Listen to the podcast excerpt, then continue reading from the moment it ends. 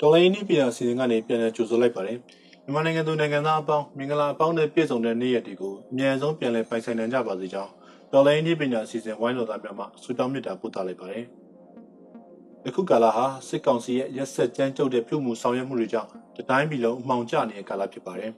ဒီလိုချိန်မှာကျွန်တော်တို့ရဲ့ digital ရုပ်ဝန်ဟာလည်းဒီမြူမောင်ဖုံးရနေဗမာပုံးဆောင်လို့လွတ်နိုင်မှာမလဲလေမောင်ပြီးရင်အလင်းလာရတာဟာလောကရဲ့နေရာမှာပါ အတ္တမတွေဘလောက်ပဲကြီးစိုးစမ်းပါစေဓမ္မဟာအချိန်တန်ရင်တော့နေရာမှန်ကိုရောက်လာရစမြဲပါပဲအဲ့ဒီအချိန်အဲ့ဒီကာလကြာရင်ကျွန်တော်တို့ရဲ့ digital ရုပ်ဝန်ကြီးကိုလည်းလွတ်လပ်တန့်စင်နေစေချင်တာဟာကျွန်တော်တို့ဝိုင်းတော်သားတွေရဲ့ဆန္ဒတွေတဲကတစ်ခုဖြစ်ပါတယ်ဒါကိုဘယ်လိုတန့်စင်ကြမလဲဆိုတာကိုတော့ကျွန်တော်တို့လိုလားသောအစိုးရတက်လာတဲ့အခါမှာညှို့ဆိုပြနိုင်မှုအတွက်အစိုးရအသစ်အတွက် digital agenda အသစ်ဆိုတဲ့ခေါင်းစဉ်လေးနဲ့ဒီတစ်ပတ်မှာတင်ဆက်ဆွေးနွေးသွားပါရစေ။ နိုင်ငံနိုင်ငံဟာသူ့နိုင်ငံညနမိတ်တွင်းမှာရှိတဲ့မိတင်းနေထိုင်သူတွေရဲ့လူခွင့်ရေးရည်ချင်းကိုပြေဝစွာပေးနိုင်လေလေနိုင်ငံတကာစကားဝိုင်းတွေရဲ့အိမ်ဥကမှာနေရာပေးခံရလေလေပါတိုင်းပြည်ကဆင်းရဲလူခွင့်ရေးကမွဲနေရင်တော့ဘယ်နိုင်ငံကအဖက်လုပ်ချင်ပါမလဲအဖက်လုပ်တဲ့နိုင်ငံတွေကလည်းနှကန်းပယ်ခြင်းမိမှုခြင်းနဲ့နှုတ်ဆုပ်ဂုတ်ဆုပ်တွေပဲဖြစ်မှာပါ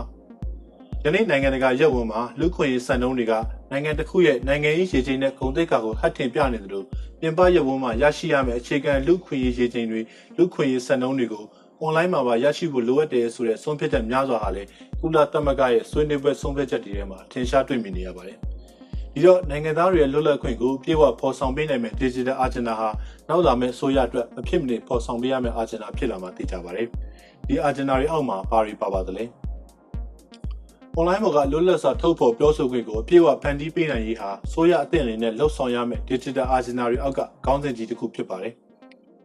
လက်ရှိကာလမှာစစ်ကောင်စီအနေနဲ့ electronic ဆက်သွယ်ဆောင်ရွက်ရေးဥပဒေလိုဥပဒေတွေကို၎င်းတို့သဘောကျပြင်ဆင်လိုက်ချိန်မှာအင်တာနက်ရုံကလွတ်လပ်စွာထုတ်ဖော်ပြောဆိုခွင့်ဆိုတာအလုံးစုံပိတ်ဖုံးလို့စိတ်သုံးသွားခဲ့ရပါတယ်။ဒီအာဏာသိမ်းမှုကာလမတိုင်ခင်ကတည်းကလွတ်လပ်ရေးဆိုင်ရာတက်ကြွလှုပ်ရှားသူတွေအနေနဲ့ online ပေါ်ကလွတ်လပ်စွာထုတ်ဖော်ပြောဆိုခွင့်ကိုအဟန့်တားဖြစ်နေရဆိုပြီးထောက်ပြထားတဲ့ဥပဒေအချို့ရှိနေပါသေးတယ်။ဥပမာဆက်သွယ်ရေးဥပဒေရဲ့ပုံမှန်66ခါကြီးဟာလူခွင့်ရေးဆိုင်ရာတက်ကြွလှုပ်ရှားသူတွေအနေနဲ့အမြဲထောက်ပြခဲ့တဲ့ဥပဒေဖြစ်ပါတယ်။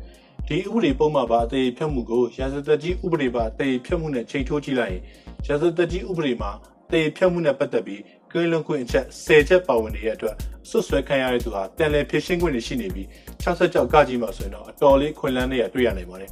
ဒီလို online ဘက်ကလွတ်လပ်စွာထုတ်ဖော်ပြောဆိုခွင့်ကိုပြေဝရရှိဖို့ဆိုရအသစ်အနေနဲ့ပြန်လည်လှုပ်ဆောင်တဲ့နေရာမှာစစ်ကောင်စီရဲ့ပောက်ကေရလှုပ်ထားတဲ့ဥပဒေတွေကိုမူလအတိုင်းပြန်လည်ပြင်ဆင်ရတဲ့မလုံလောက်ပဲနိုင်ငံတကာလူခွင့်ရေးဖန်သားပြင်ပေါ်ကိုတင်လိုက်ရုံနဲ့ တမ်းမွေနိုင်တဲ့လွတ်လပ်စွာထုတ်ဖော်ပြောဆိုခွင့်ကိုအဟန့်တားဖြစ်နေတဲ့ဥပဒေတွေကိုပါပြင်ဆင်ပြစ်လိုက်ဖို့လိုအပ်ပါတယ်။ Digital Agenda ကိုထည့်သွင်းစဉ်းစားတဲ့အခါမှာဆိုရအသင့်အနေနဲ့မဖြစ်မနေထည့်သွင်းရမယ့်နောက်ထပ်ကိစ္စရပ်တစ်ခုကတော့ Internet Shutdown လုပ်တဲ့ပြဿနာပါ။ဒါကိုအုပ်ချုပ်သူအဆက်ဆက်ကလှုပ်လာခဲ့ရတွေ့ရပါတယ်။ထင်ထင်ရှားရှားဆိုရင်2009တန်ကအရေးခင်းကာလ2019ခုနှစ်ဇွန်လမှာချင်းနဲ့ရခိုင်မှာလုပ်ခဲ့တဲ့ ကမ္ဘာအရှိကြာဆုံးအင်တာနက်ဖက်တောက်မှုတွေကတခုဖြစ်မှတ်တမ်းဝင်တဲ့လှုပ်ဆောင်မှုကနေယခုအာဏာသိမ်းကာလအင်တာနက်ကိုလူတစ်မျိုးမလူတစ်မျိုးပိတ်လိုက်ဖွင့်လိုက်လုပ်နေတာတွေဟာအုပ်ချုပ်သူအဆက်ဆက်လှုပ်ဆောင်ခဲ့တဲ့သိတာထင်ရှားတဲ့ဖြစ်ရပ်တွေဖြစ်ပါတယ်။21ရာစုရဲ့စီးပွားရေးလူမှုရေးပညာရေးဆိုင်ရာကိစ္စရပ်တွေဟာအင်တာနက်ရဲ့လှုပ်ဆောင်နိုင်စမ်းပုံမှာအများစွာတည်မီနေတဲ့အတွက်ဒီလိုလှုပ်ဆောင်မှုတွေဟာတိုင်းပြည်နဲ့ပိတ်ပင်ခံရတဲ့ဒေသတစ်ခုချင်းစီရဲ့ဖွံ့ဖြိုးတိုးတက်ရေးကို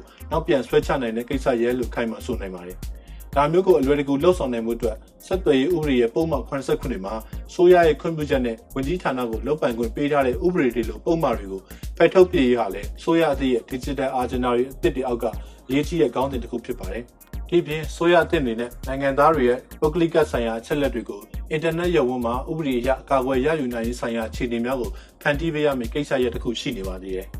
မြန်မာနိုင်ငံအတွင်းအင်တာနက်ရုပ်ဝန်နဲ့သက်ဆိုင်တဲ့ဥပဒေများကိုပြန်ကြည့်ရင်ဒီချက်ကိုအကာအကွယ်ပေးနိုင်မှုလုံးဝရှိမနေတာတွေ့ရပါတယ်။ရခိုင်ပြဋ္ဌာန်းခဲ့တဲ့ privacy law ဟာအင်တာနက်ပေါ်ကပုဂ္ဂလိကဆိုင်ရာအချက်အလက်တွေကိုကာကွယ်ပေးနိုင်မယ့်အခြေအနေရှိမနေပါဘူးဆိုမှ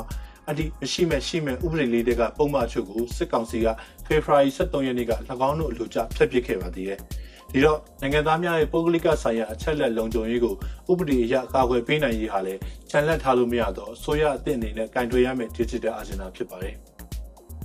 ဒီလိုချက်လက်တွေသာမကနိုင်ငံသားအလုံးနှီးပညာကိုတန်းတူလက်လန်းပြီးသုံးဆက်နိုင်ခွင့်ကိုဖန်တီးပေးရဟာလေဆိုရအသစ်ရင်ဆိုင်ရမယ့် digital agenda တစ်ခုဖြစ်ပါတယ်။ဤပညာတန်းတူလက်လန်းပြီးသုံးဆက်နိုင်ခွင့်ကောင်းစဉ်အောက်မှာအင်တာနက်လွှမ်းခြုံနိုင်မှုနဲ့ဈေးနှုန်းဆိုင်ရာလက်လန်းမိမှုတို့ကိုသာစဉ်းစားကြပါတယ်။အတန်ဆန်းသူများအတွက်သတင်းအချက်အလက်ရရှိနိုင်မှုကိုအဟန့်တားဖြစ်မဲ့အခြေအနေများကိုဖယ်ရှားပြရတဲ့ဒီကောင်းစဉ်အောက်မှာထည့်သွင်းစဉ်းစားရမယ့်ကိစ္စရပ်တစ်ခုဖြစ်ပါတယ်။ ဥပမာအမြင်အာရုံချွတ်တဲ့သူများအတွက်အတန်ဖြင့်သတင်းအချက်အလက်ရရှိအောင်ဖန်တီးပေးခြင်းစသည်ဖြစ်ပေါ်လေ။ဒီအပြင်အင်တာနက်ပေါ်မှာလွတ်လပ်စွာအသင်းဖွဲ့ဖွင့်နိုင်ခွင့်လွတ်လပ်စွာစုစည်းနိုင်ခွင့်လွတ်လပ်စွာထုတ်ဖော်ပြောဆိုခွင့်ပုဂ္ဂလိကဆိုင်ရာအချက်အလက်များကိုကာကွယ်နိုင်ခွင့်နဲ့ရန်သူညီမျှမှုတို့ဟာလည်းဆိုရတဲ့အနေနဲ့မဖြစ်မနေထည့်သွင်းစဉ်းစားရမယ့် digital agenda များဖြစ်ပါတယ်။ digital ရပ်ဝန်ဆိုင်ရာကိစ္စရပ်များကိုပြောဆိုကြမယ်ဆိုရင်တော့တထောင်တညပုံမြင်များလိုပဲရှေလျားထွေပြတဲ့အကြောင်းအရာပေါင်းများစွာကိုဆွေးနွေးရမှာဖြစ်ပါတယ်။ ဒီထက်ကမှယခုအပတ်မှာတော့ဆိုရအသစ်အနေနဲ့ digital agenda အသစ်တစ်ခုကောင်တယ်ဖော်တဲ့နေရာမှာဦးစားပေးလှုပ်ဆောင်ရမယ့်အကြောင်းအရာအချို့ကိုပိတ်သက်ကြီးအတွက်ကျွန်တော်တို့တော်လိုင်းနည်းပညာအစီအစဉ်ကနေဆွေးနွေးခဲ့တာဖြစ်ပါတယ်